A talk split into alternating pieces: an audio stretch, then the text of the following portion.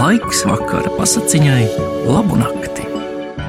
Latvijas rādio darbinieki stāsta savas mīļākās vakara pasakas. Labvakar! Mārs Cielēns pasaku pilsētas māju un lauku māju šovakar tev lasīšu es, Uldis Lavrinovičs, Latvijas radio valdes loceklis. Kādā rāmā siltā vasaras naktī pilsētas māja saņēmās un gribēja izdarīt to, ko jau sen bija nodomājusi. Jau sen viņa bija gribējusi mainīt dzīves vietu. Pilsētā vienā vietā viņa bija nodzīvojusi vairāk nekā simt gadu. Visi ceļo apkārt, pilsētas mājai aizvien biežāk ienāca prātā, putni atlido un aizlido, cilvēki aizbrauc un atbrauc. Kāpēc, lai es stāvētu uz vietas simts gadu, turklāt te kļūst aizvien trokšņaināks? Pilsētas māja sapņoja par kādu klusu, skaistu lauku nostūri. Tur saulē mircētu ezers, tur jauki smaržotu gaiss, tur dziedātu visvisādi putni. Sevišķi labi tur varētu justies rāmās, siltās pavasara naktīs.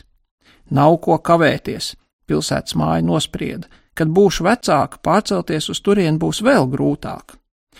Māja žigla aizvēra visus logus un durvis, ievāca iekšā veļu, kas žāvējās uz balkoniem, un pacēla dažas mantiņas, ko bērni bija atstājuši smilšu kastē.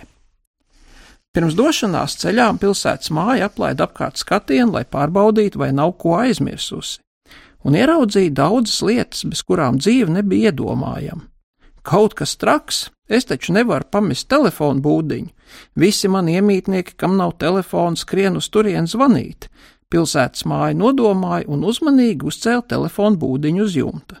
Turpat viņi novietoja arī tramvaju pieturu ar visu soliņu un vienu sliežu posmu, avīžu kiosku un laternu stabu. Gluži dabiski pilsētas māja ņēma līdzi arī to vīksnu, kas auga pavisam tuvu pie sienas un vienmēr lūkojās iekšā pa logiem. Šo un to māju salika arī uz balkoniem. Pamatīgi apkrāvusies ar mantām, pilsētas māja devās ceļā. Viņa centās soļot pa ielu līganā vienmērīgā solī. Neviens no mājiniekiem nepamodās. Gluži otrādi, viņu miegs kļuva dziļāks, sapņi saldāki. Viņi sapņoja, ka ziloņa mugurā ceļo pa brīnumainām svešām zemēm. Brīžam ziloņi apstājās un sakārtoja nešļauju. Tas notika tad, kad tramvajas liežu gabala draudēja ieķerties elektrības vados, un pilsētas mājai vajadzēja sliedes piespiest pie sava jumta. Lēnām, mierīgi, bez īpašiem sarežģījumiem pilsētas māja aizsoļoja līdz pilsētas robežai. Nu vajadzēja pāriet pāri tiltam, kas savieno upes krastus. Tad viņi jau būs laukos un varēs izvēlēties jaunu dzīves vietu bet pilsētas māja uzreiz netika tiltam pāri, uz tā kāds jau bija uzgājis. Kas tur stāvēja? Tur stāvēja lauku māja. Dīvaini gan. Bija sagadījies tā, ka tieši šajā siltajā rāmajā naktī arī lauku māja bija nolēmusi īstenot senu nodomu. Arī lauku māja kāroja mainīt dzīves vietu. Vairāk nekā simt gadus viņa bija nostāvējusi klusā mežmalā. Jauki jau te ir, lauku māju visai bieži prātoja.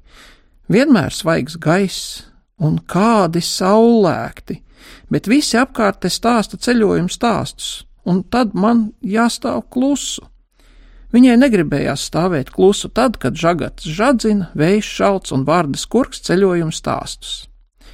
Lauku māja deva klusu mājienu visai savai saimei - kūtī, pirtiņai, sienas čūnim, malkas čūnītim, pagrabam un pat maz mājiņai.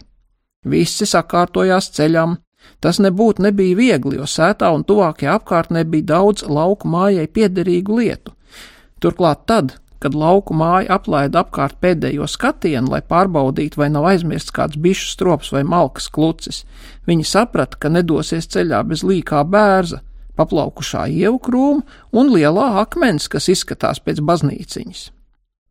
Kad lauku māja ar visu saimi devās ceļā, jumti bija ielīkuši no mantu smaguma. Iet bija gaužām grūti, bet neviens nekurnēja, jo visi kāroja apskatīt pasauli. Lauku māja un tās ceļa biedri centās iet vienmērīgā gaitā, bet bieži vien nācās apstāties. Dažbrīd pirtiņai no jumta sāk slīdēt nost lielais akmens, Citreiz kūts nespēja saturēt visus taku un celiņu gabals, ko krustām šķērsām bija pārkrāvus pāri jumta korei, bet mājnieki nepamodās. Viņi sapņoja, ka liela kamieļu karavāna nes viņus caur bagātām krāšņām zemēm. Kamieļiem ik pēc brīža bija jāapstājas, lai ceļinieki varētu noplūkt pa gardam auglim. Pēc kāda laika lauku māja nonāca pie upes, kas atdala laukus no pilsētas, un uzgāja uz tilta. Pilsētas māja un lauku māja ieraudzīja vienu otru gandrīz vienlaikus. Žēlīgais dievs, pilsētas māja nodomāja, tā nu gan ir apkrāvusies, un bērni arī līdzi.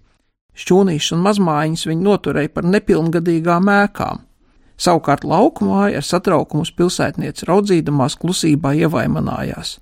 Ak, tu tētīt, kas viņai tie par dzelžiem uz jumta saskrāpēs vēl debesis, un kāpēc mazmājiņa nesoļo pati, bet ir uzcelt uz jumta? Telefonu būdiņu viņa bija noturējusi par mazmājiņu. Kad abas ceļotājas bija nodomājušas šīs domas, viņām prātā ienāca citas. Pilsētas mājas sprieda. Šitā svešinieca gan nespēja atrast vietu. Viņai jau būtu jātais debeskrāps, jāceļ visi tie bērni cits pēc citu uz savu jumta, kā īstās augstceltnes smietos, kad to ieraudzītu. Savukārt lauku māja nodomāja.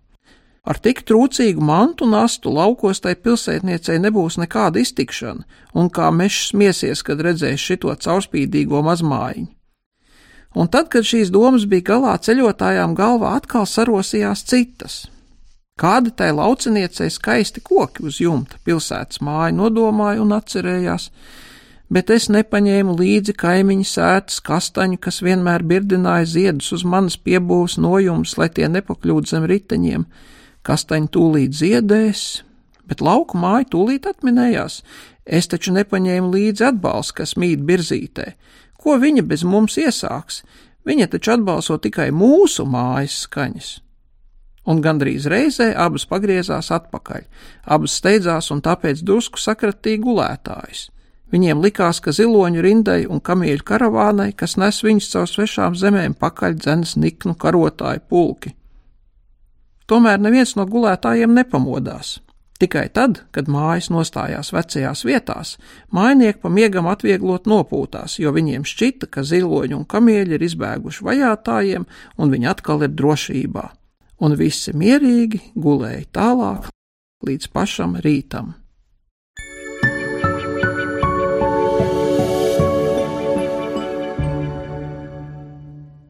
Mārs Cielēns pasaku pilsētas māja un lauku māja, lasīju es, Uldis Lavrinovičs, Latvijas radio valdes loceklis. Ar labu nakti!